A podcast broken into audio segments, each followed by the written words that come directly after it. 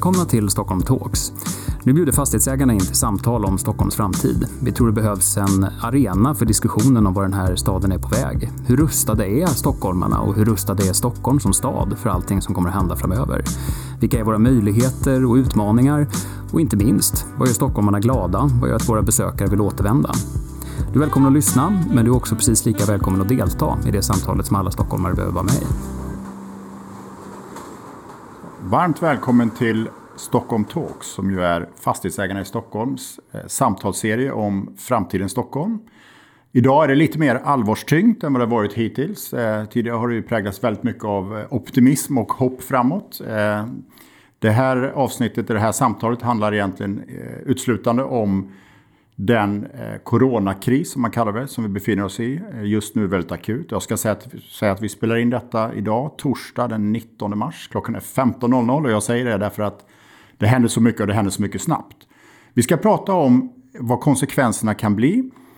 Eh, och vi ska göra det utifrån tre perspektiv. Utifrån vården, ekonomin och sen också besöksnäringen som ju är en väldigt central del av eh, Stockholm. Eh, gäster är Anna Starbrink som är hälso och sjukvårdsregionråd i Region Stockholm. Annika Winst som är chefekonom på Nordea. Och Carl Ljung som är krögare på Laventura. Och sen Oskar Öholm som är vd på Fastighetsägarna i Stockholm. Jag tänkte bara kort börja med dig Oskar. Eh, staden och Stockholm. Eh, man brukar säga att stadens idé någonstans är urbanitet, att skapa möten mellan människor. Slår detta på ett speciellt sätt mot en stad och en stad som Stockholm? Jo, men det är klart att det gör. Jag menar, de samtal vi har haft i den här serien förut har ju handlat just om all den kraft och liksom utveckling som finns i Stockholm och vad vi ska göra av den. Nu, nu pratar alla precis i motsatt riktning och det är klart att vill man göra en väldigt enkel definition på en stad så är det ju det du är inne på. Det är, det är möten med okända människor och det är närhet.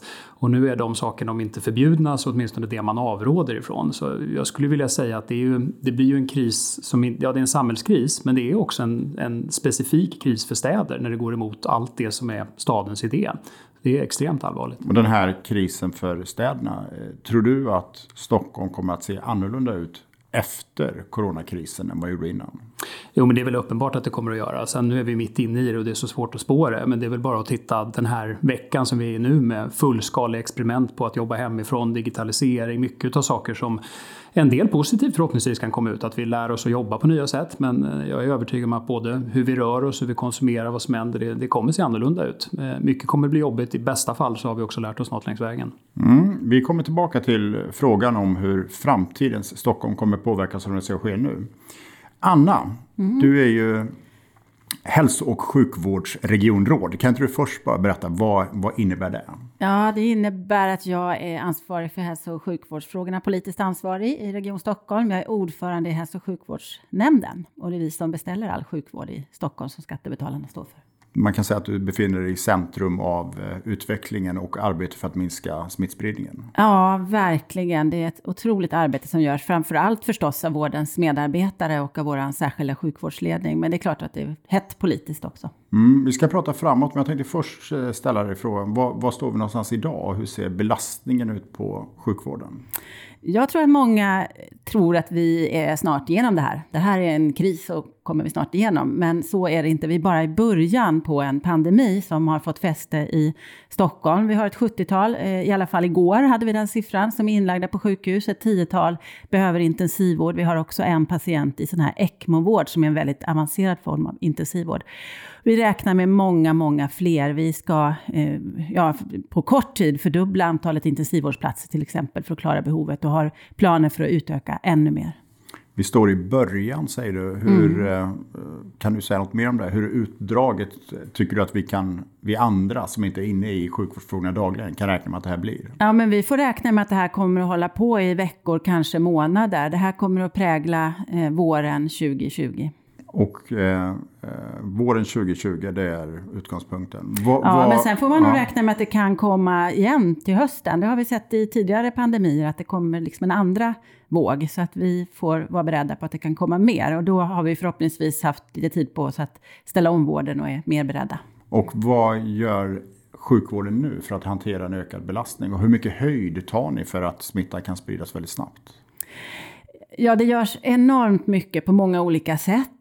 Framförallt utökar vi kapaciteten eh, i sjukvården och det gör vi på olika sätt. Dels genom att bemanna fler platser, snabbutbilda fler som ska kunna jobba i intensivvården, men också genom att prioritera bort och stryka vård som kan vänta. Patienter som skulle opereras men som inte kanske är så jättebråttom, de får vänta för vi behöver kapaciteten för att klara de som har smittats av corona. Det är bara ett exempel, men det finns eh, andra saker som görs som kanske också kan bli bra på längre sikt som vi kan ha glädje av och det är att eh, nu blir det digitalisering. Nu slår det igenom i sjukvården. Kreativiteten är enorm och det är stor efterfrågan hos patienterna och eh, vårdgivarna vill kunna möta sina patienter som ju idag inte riktigt vågar komma på alla fysiska möten och då är ju det digitala en fantastisk möjlighet. Så vad du, vad du pratar om egentligen är en distansvård? Där mötet mellan patient och sjukvård eller läkare sker digitalt? Ja, precis. Det går ju naturligtvis inte i alla vårdsammanhang, men ganska mycket sånt som inte kräver fysiska undersökningar kan man ju klara av på distans. Och det är många som gör det nu.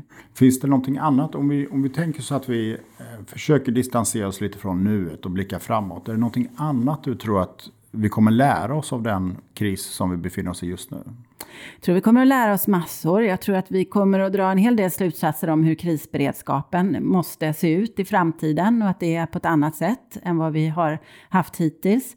Eh, jag tror att digitaliseringen är en enorm förändring som vi bara kan ana eh, vilka möjligheter som det skapar i framtiden också.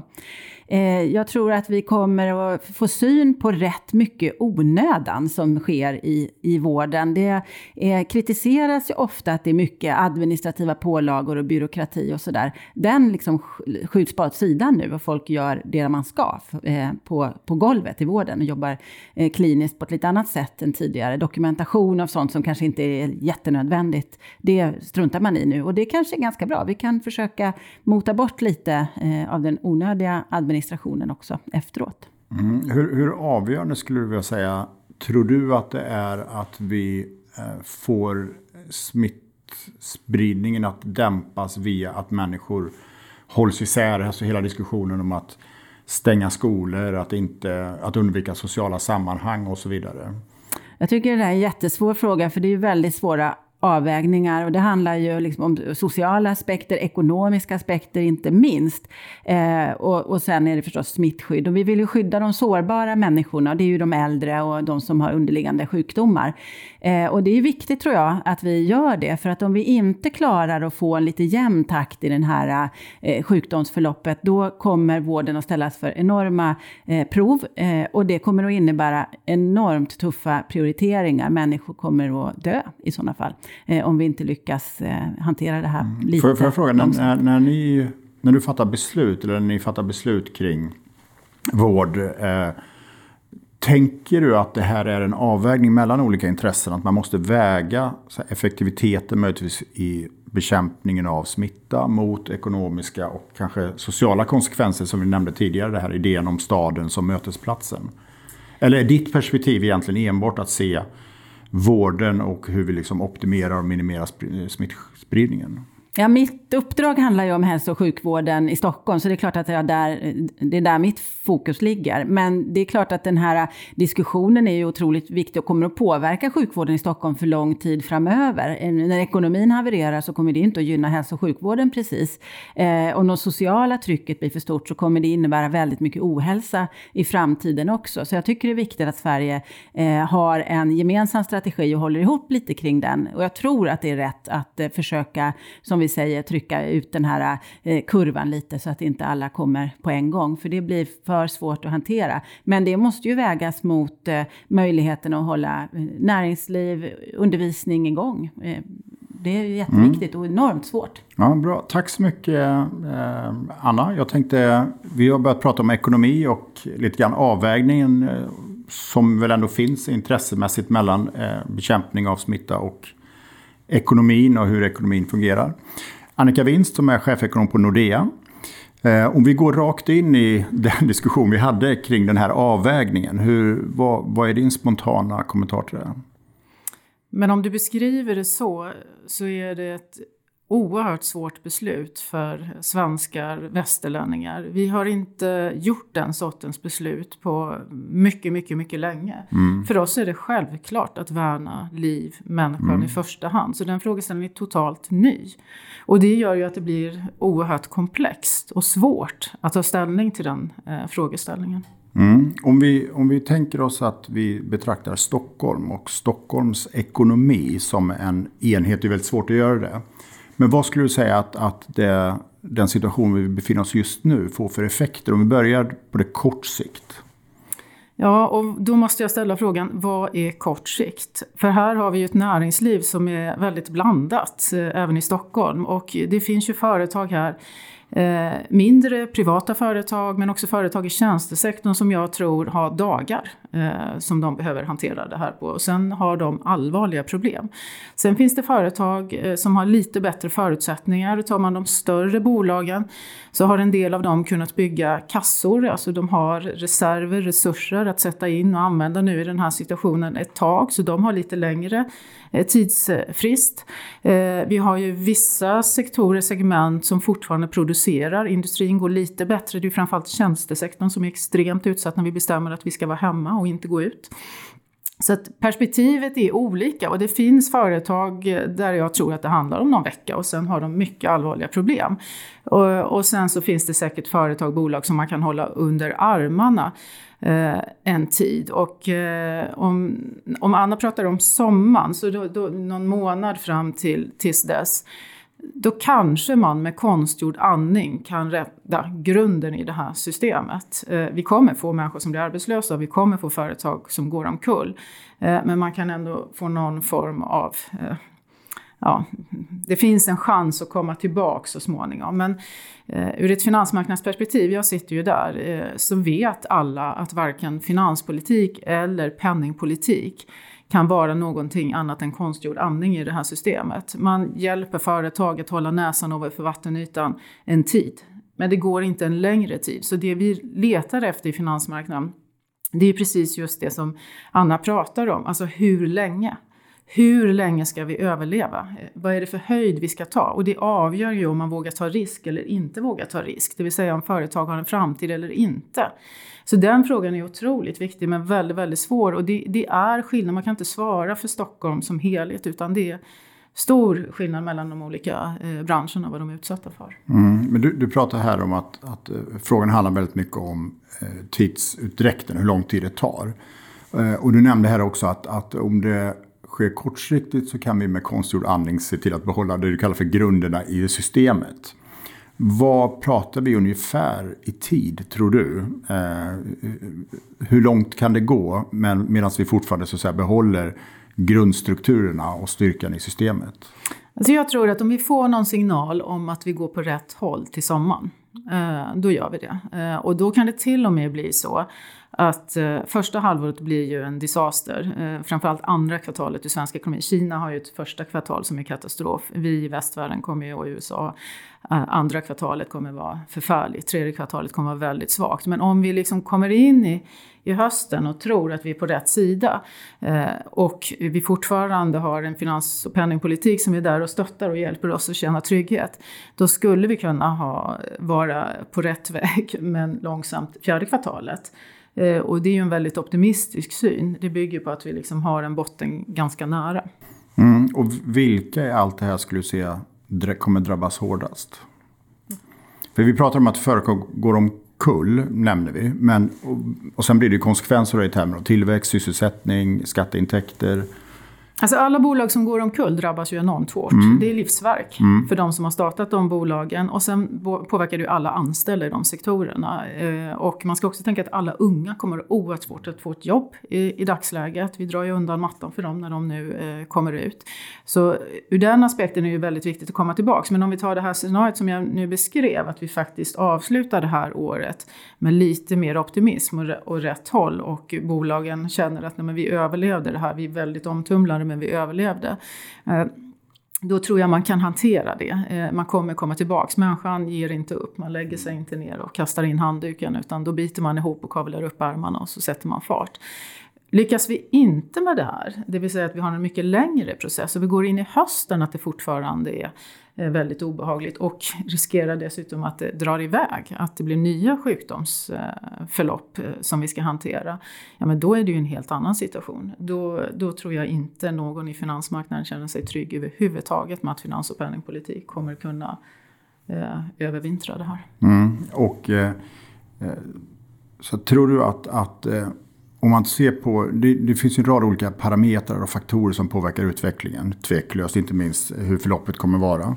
Men tror du att, att eh, om vi tar, försöker ändå begränsa oss till Stockholm. Tror du att Stockholms eh, ekonomi kommer att vara väldigt annorlunda eh, efter coronasmittan? Och då tänker jag mer utifrån strukturella termer. Alltså kommer vi börja ompröva vår ekonomiska politik? Kommer vi börja ompröva pröva själva fundamentan i, i ekonomin?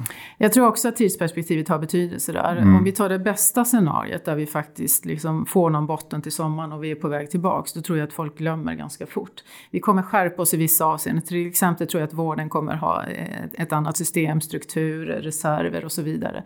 Eh, och, och en del annat kommer också att hända. Men många vanliga människor, så fort man får ett jobb och man känner sig trygg igen och inte orolig för sin bostad, då, då är man tillbaks eh, på ruta ett. Om det blir ett mycket sämre förlopp, ja, men, eh, då är alla förlorare. Det finns ingen vinnare på mm. ett eh, långsiktigt eh, utmaning av mm. systemet. Ja, och, man kan säga lite grann är ju detta också ett, ett, resultat av en ny tid i meningen att vi inte längre kan förutse vilka kriser som kommer imorgon. Vi har haft terror, eh, pandemi och så vidare. Och det intressanta då, för du nämnde det ju själv, att i Stockholm finns det väldigt många tjänsteföretag. Det finns mycket företag i besöksnäringen. Mycket företag med väldigt låga små marginaler, väldigt sysselsättningsintensiva. Eh, och om man tittar på de åtgärder som hittills har presenterats från regeringen. Eh, tycker du att de har, eh, har haft så att säga, den här, de här tjänsteföretagen i sikte? Eller Håller du med lite av den kritik som har kommit att, att eh, det här är åtgärder som väl, det handlar om att tillföra väldigt mycket likviditet i form av att man får ja, olika grader av förmånlig upplåning. Eh, men att det kanske är så att den här typen av åtgärder eh, man har haft de gamla större industriföretagen i sikte och inte de här nya tjänsteföretagen som finns väldigt mycket i, i städerna. Ja, det, för det första skulle jag vilja säga att man ska ha stor respekt för att det här är rörlig materia. Det är inte alldeles enkelt att sitta som beslutsfattare och fatta kloka beslut när allt rör sig hela tiden. Jag tycker i grunden att både Riksbanken och eh, finanspolitiken, alltså det politiska spelet, har varit klokt och bra och de försöker hela tiden vara flexibla. Eh, och som ekonom, om jag bara får välja en enda åtgärd som man ska vidta i en sån här kris, då skulle jag nog ändå säga att det är likviditeten. Om inte det fungerar att man kan betala och få betalt, då finns ändå ingen verksamhet. Så att det är nummer ett. Att, att kritisera det är väldigt märkligt. Däremot så är det ju frågan om det räcker och det kanske är så att Riksbanken faktiskt måste ta på sig risken. Just nu ligger ju risken hos bankerna och bankerna får inte låna ut till bolag som man inte tror att man får tillbaka pengarna av. Så att när man ger bankerna en stor skock med pengar och säger vänligen låna ut det här till företagen eh, så bygger ju det på då att företagen eh, är trovärdiga och faktiskt kommer ha en produktion och en livsnerv som fungerar. Och det är ju det vi är osäkra på idag. Så att det finns en eh, risk att centralbanken behöver ta på sig risken. Det har man gjort i andra länder. Eh, men sen vad gäller finanspolitiken så tycker jag nog att de har varit lyhörda och när den här krisen började då pratade man mest om att det var produktionsproblem. Det vill säga Kina stänger ner, vi får inte inleverans till företagen eh, och då får de problem i sin produktion. Det vill säga eh, om man sätter ihop en en lastbil eller någonting i, i Södertälje eller vad det nu är så kan det fattas delar och så får man stopp i systemet. Eh, och eh, det började man ju titta på men sen gick det ju väldigt snabbt när man fattade beslut om max 500 personer och att vi också ber, ber oss att vara hemma och vi stänger ner skolorna. Jag menar då får du ett ändrat beteende och då är det ju tjänstenäringen. Och då har man vänt sig mer eh, åt eh, dem. Eh, jag tror att det man kommer att behöva göra det är nog rädda faktiskt hela branschsektorer sektorer. Och inte minst så flyget är ju mm. extremt utsatt och ett land utan en stor flygplats med eget flygbolag, vad är det? Så att här tror jag att man mm. kanske kommer in med, med stöd. Eh, och sen eh, om igen, det här, det här är viktigt att komma ihåg. Det här är konstgjord andning en tid. Eh, det löser inte grundproblemet om vi fortsätter att ha samma stänga ner-attityd. Mm. Det, det, är samma beslut som att bestämma att eh, branscher försvinner.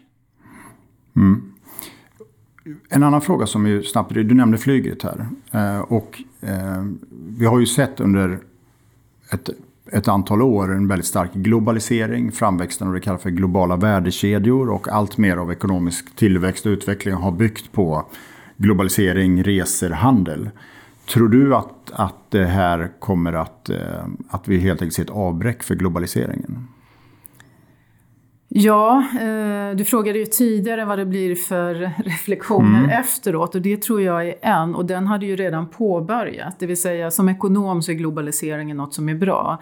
Eh, företag och länder ska göra det de är bäst på så byter man varor med varandra. Men det utmanades ju redan för något år sedan när folk insåg att ja, Eh, det har gjort att vi har en större tillväxt, en större kaka att fördela, men kakan har fördelats väldigt orättvist. Det vill säga att det är ett fåtal människor i världen som har blivit alldeles galet rika medan massan är kvar.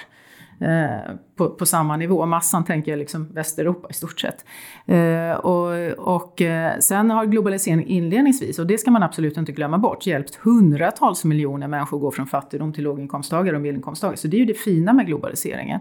Men det som den drev på i slutet var ju på något sätt att man upplever att kakan blir större men fördelningen väldigt orättvis. Och då röstar folk med fötterna. Det vill säga man får Trump, Brexit, höger och vänsterfalanger. Och eh, så ur den aspekten är det redan eh, utmanat. Eh, sen har vi eh, klimatfrågan som också påverkar vårt sätt att tänka på hur ska vi resa eh, och agera i framtiden. Och eh, ovanpå Eh, så kommer det här. Och jag tror att vi kommer vilja resa i framtiden också. Jag tror att vi ska göra det för att kunna hantera eh, hållbarhetsfrågorna. Vi behöver mötas och träffas och så vidare.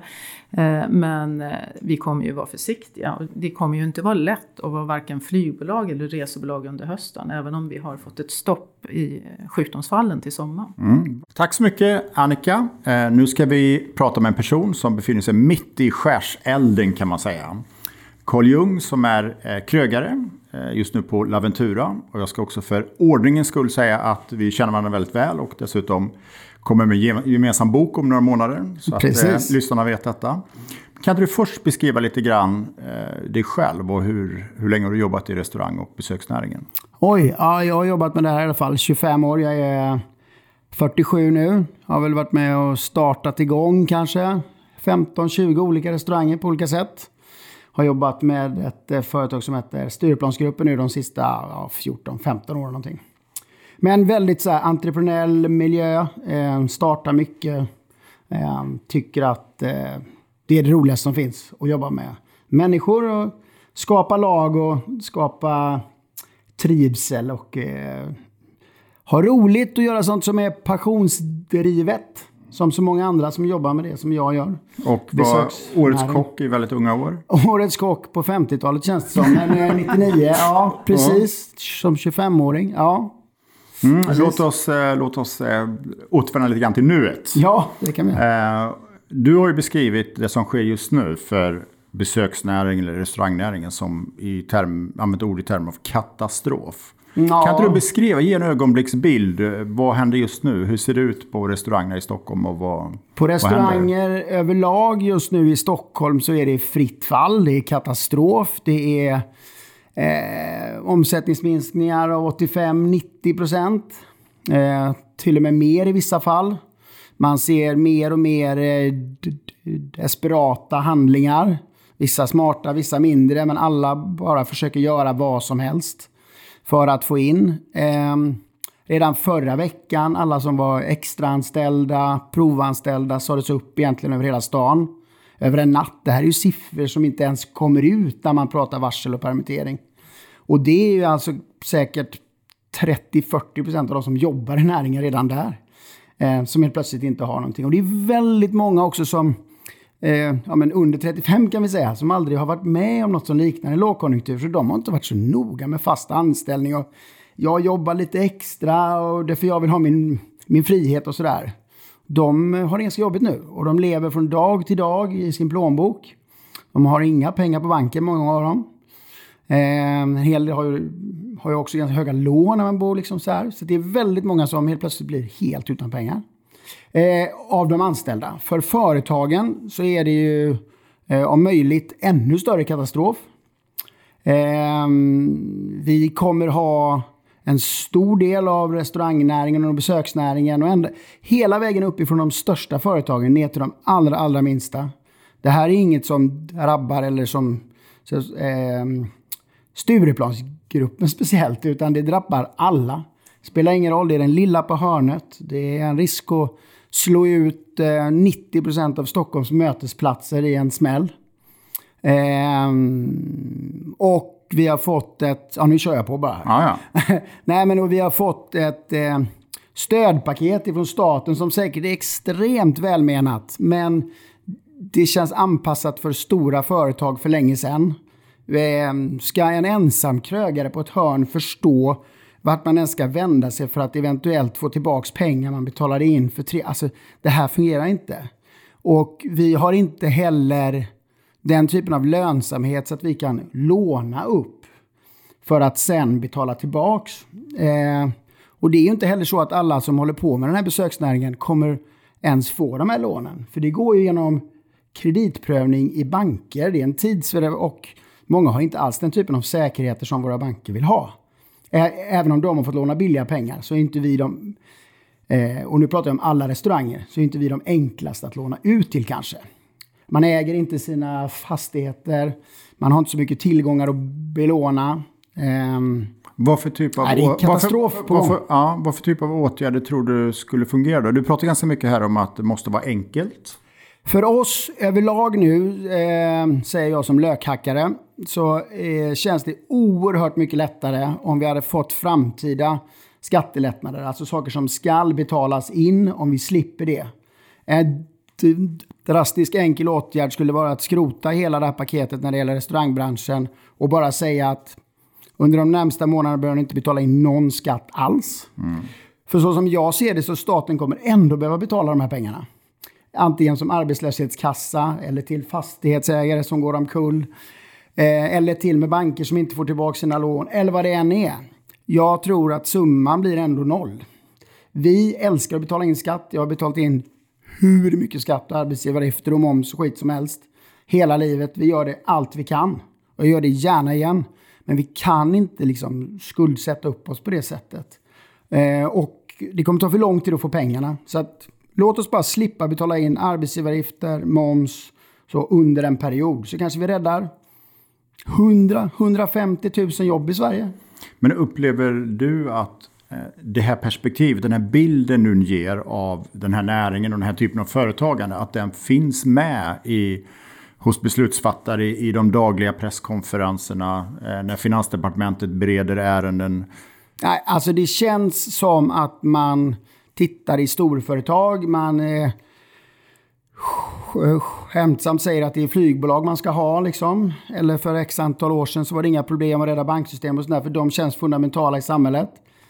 Eller samhällsbärande. Jag förstår det, men jag tycker att mötesplatser och den typen av eh, eh, sätt att umgås också är det för en stad, för ett samhälle som ska fungera. Ja, vi, vi pratade precis om det innan, ja. att idén med staden ja. är ju möten. Eh, att det är en del Så jag av... tycker inte det. Nu lyssnade jag precis för en sekund sedan på Stefan Löfven, då hade han faktiskt uppe ett ord om besöksnäringen och sa att man får nog titta på riktade åtgärder mm. där. Ehm, men återigen, de paketen som är nu känns inte gjorda för att det ska vara lätt för småföretagare, för folk som ofta kanske inte ens har eftergymnasial utbildning överhuvudtaget, inte har en ekonomiavdelning, inte har jurister, inte har allting som kan hjälpa dem. Ehm. Det du pratar om är ju en massutslagning av företag i Stockholm. Absolut. massarbetslöshet yes. bland människor. Och ja. det är väl känt också att just restaurangnäringen ja. eh, har en väldigt låg tröskel för människor, för unga människor, ja. människor utan erfarenhet, människor som kommer direkt från skolan eller samtidigt. Och direkt från andra länder. Alltså vi är, ett av dem, eh, vi är nog ett av de yrkena där det finns mest integrering och inkludering på ett eh, självklart vis. Ehm, på min arbetsplats idag så är vi väl 8, 9, 10 nationaliteter. Alla pratar inte svenska, vi har engelska som språket i köket för att vi ska kunna vara hur, hur, bråttom, hur bråttom skulle du säga att det är? Ja, det är jättebråttom. Alltså det är jättebråttom. För, för eh, många pratar vi nog Ja, nu sitter ju fastighetsägarrepresentanter mm. där, men jag vet många fastighetsägare som redan har fått att vi kommer inte betala in hyra och så vidare. Mm. Eh, ja, det är nu. Det är runt hörnet. Det är mm. liksom en vecka, två, tre veckor. Jag tänkte Annika, eh, du har ju betraktat eh, svensk ekonomi och ekonomisk politik lång tid. Vad tror du för typ av åtgärder skulle vara funktionella här? För vad, vad du säger egentligen är att det behövs en brygga. Ja. Att överbrygga så att säga, den situation vi är i. Och den är särskilt allvarlig för en sån här bransch. Det är mycket sysselsatta, låga marginaler och väldigt få gäster. Vad skulle du säga för typ av åtgärder tror du skulle kunna fungera? Ja, för det första skulle jag vilja säga att eh, jag tror att politikerna behöver hjälp. Jag tror att beslutsfattarna behöver hjälp. Det är rörlig materia, det går oerhört fort. Det är inte alldeles enkelt för dem att veta vad de ska göra. Det de går på är det de kan i första hand. Och företag i näringslivet som är stora drakar, har funnits länge, är bra lobbyister. De har kontakter och så vidare. Det har inte restaurangen på hörnet tid med och har kanske inte heller. Eh, och det betyder att ni har också ett ansvar att hjälpa dem att förstå vad behöver ni. Och det du beskriver, jag, tror, jag är rätt övertygad att om politikerna får signaler från er. Det här funkar inte, det här funkar. Eh, så kommer de att vara lyhörda. För det här är ny, ny mark för dem. Eh, så ett litet försvarstal och en, en uppmuntran mm. till er att hjälpa dem, vägleda mm. dem. Eh, och sen kommer jag tyvärr också säga att alla kommer inte bli räddade. Vi är i en situation då människor kommer bli arbetslösa, företag kommer gå omkull och det, det är förfärligt. Men den situation vi har hamnat i är extrem. Och tro att politiken ska kunna rädda allt, det kan de inte. Och jag sa tidigare att eh, det, det är konstgjord andning en tid. Det måste till någonting helt annat om vi ska komma ur det här. Ja, får jag fråga, om vi bara skjuter fram perspektivet lite, eller vill du säga någonting just kring det här? Ja, nej men... Eh Eh, Eh, jag förstår precis vad du eh, säger. Jag menar och jag tror verkligen att politikerna vill väl. Det är inte det. Eh, utan det här och på många andra sätt ska vi verkligen försöka uppmana dem. Men att också försöka hitta ett så rättvist sätt som möjligt. Att om vi gör någonting som, som hjälper stor som liten och sen är det självklart upp till företagen. Är de livskraftiga? Har de existensberättigande så att säga?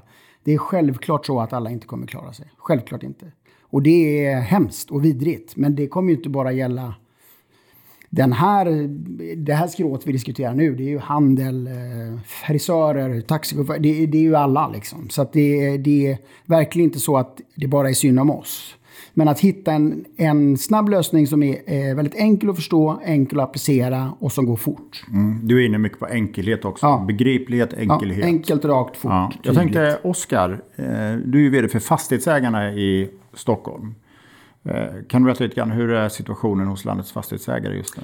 Nej, men det, det som man beskriver nu, om man bara tar den, så att lys, lyssna lite under samtalet här. Det vi egentligen beskriver är ju, om man har staden som utgångspunkt, att alla stadens attribut stänger ner. Alltså det är så här, det sitter inga på restaurangerna. Jag cyklade förbi eh, Kungliga slottet, det finns inga kinesiska turister, turistbussarna är borta. Eh, stadshuset är inga, alltså allt det här, det är mindre internationellt och man ser det ju redan nu. Och det är klart att eh, vi känner ju igen den här bilden att det är ett exceptionellt läge märker ju många utav fastighetsägare. Inte minst såklart i ja, besöksnäringen. Det är, det är väl apotek och livsmedelsbranschen, där, där verkar det rulla på rätt bra av, av förklarliga skäl just nu. Eh, och jag tror ju att eh, vår rekommendation till alla som, som är medlemmar hos oss och äger fastigheter i den här stan, det är ju att ha ett extremt tålamod eh, och egentligen väldigt stor förståelse för att det är en extrem situation. Eh, och där tror jag just de här här och nu-lösningarna, det kommer säkert behövas krispaket och det kommer behövas nya sätt att jobba när det här är över. Men, men väldigt mycket av det som vi ser hända bland fastighetsbolag nu, det är att man tittar på de här väldigt snabba sakerna. Kan man gå över från förskottsbetalning för ett kvartal på hyran till månadsvis? Eller kan man prata om efterskottsdebitering av hyra? Det är ju en sån liksom, sak som, som händer. Man går igenom såna här saker som eh, att man får betala vita om man inte har öppet en viss tid på restauranger. Att man, det får man nästan sätta på paus. Man har sett på flera håll att man börjar jobba med. Eh, men jag tror att det kommer vara väldigt mycket så case by case innan man vet vad det här tar vägen. Och jag är glad också att se att många stora fastighetsbolag har på något sätt börjat jobba systematiskt med de här frågorna för att försöka korta handläggningstider för att, för att föra sådana dialoger. Och det, det blir ju det här som är i, här och nu. Sen, eh, sen kommer du längre fram på andra saker.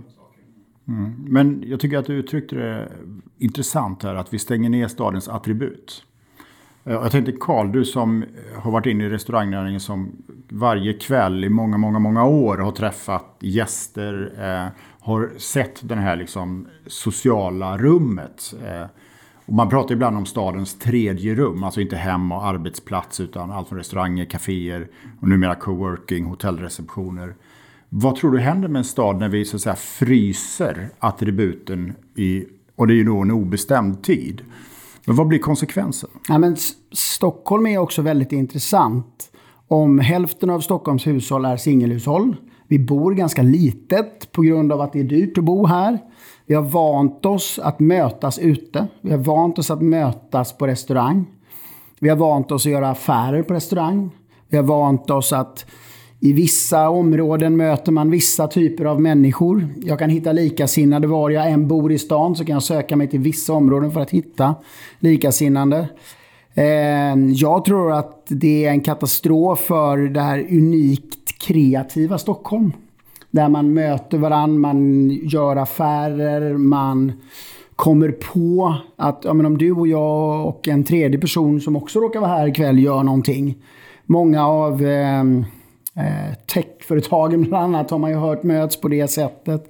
Mycket speciella konstellationer. Jag tror det var Stefan Holstein som snackade om det någon gång för länge sedan. Att Stockholm är så unikt för att det är en stor liten stad. Och det gör att världens bästa hockeyspelare, världens bästa inom tre, fyra områden möts ute och kommer på någonting att göra tillsammans. Eh, och det är väldigt unikt för Sverige och Stockholm. Att vi har en samlad arena och den kommer ju slås ut, egentligen helt. Vad säger ni andra? Kommer det slås ut helt? Eller om vi tänker så att vi börjar gå mot eh, slutet av det här samtalet. Eh, hela idén och grunden för de här Stockholm Talks det är att ha liksom ett, ett, eh, ett hoppingivande perspektiv och fundera på hur Stockholm kan bli bättre. Så jag tänkte som sista eh, avslutande fråga egentligen. Eh, av det som händer just nu så är det väldigt lätt att, att vara dyster. Det är lätt att se negativa konsekvenser. Men vad tror vi att vi kan lära oss som det är positivt som kommer att göra Stockholm till en bättre stad framöver? Finns det någonting? Jag tror lite grann, eller man får väl hoppas det i alla fall, att, att i alla sådana här kriser att de som var bäst rustade när krisen kom är förhoppningsvis också de som har bäst förutsättningar att, att bygga det här nya som vi ska ha efteråt. Och precis det som Karl är inne på, att ändå en stad som präglas så mycket av förändringsbenägenhet, av kreativitet, det finns en välutbildad befolkning, alltså alla de här sakerna är rimligtvis fördelar när man sen ska komma tillbaka. Man kan ju dra en för det behöver ju inte bli samma sak. Jag menar, för att dra en historisk parallell, titta på Venedig under liksom alla år centrum för handeln. Det är de inte längre för att genom, efter alla kriser så klarade de inte den resan. Vi, vi, eh, man får nog utgå från det där, det som är starkt i Stockholm, att bygga på det. Då, då borde förutsättningarna ändå vara goda. Mm. Annika, vad säger du? Ja, om igen, det beror på tidsperspektivet. Eh, och om vi hanterar det här på ett klokt sätt, då har vi alla förutsättningar att komma tillbaks. Då har vi alla förutsättningar att ha ett fungerande näringsliv och fantastiska mötesplatser och kreativa eh, människor och företag som, som samverkar. Men då måste vi hantera det klokt. Och det är nog inte klokt att stänga ner som vi gör idag. Eh, det är ett alldeles för högt pris. Och jag tror att friska människor måste gå till jobbet. Friska människor ska vara ute på stan. Men förstås med respekt eh, för de som är utsatta. Eh, men eh, konsekvensen av det här att alla ska sitta hemma och inte ska mötas och inte ska gå ut. Eh, det priset är oerhört högt. Och jag vill verkligen slå för att vi måste diskutera den avvägning som vi gör kontra de som är utsatta eh, med de som nu blir utsatta i samhället. Om vi inte har några jobb, om vi inte har några företag, om vi inte har någon kultur, om vi inte mer kommer kunna resa. Är det det samhället vi vill ha? Alltså de frågorna är otroligt svåra, men vi måste våga ställa dem i dagsläget.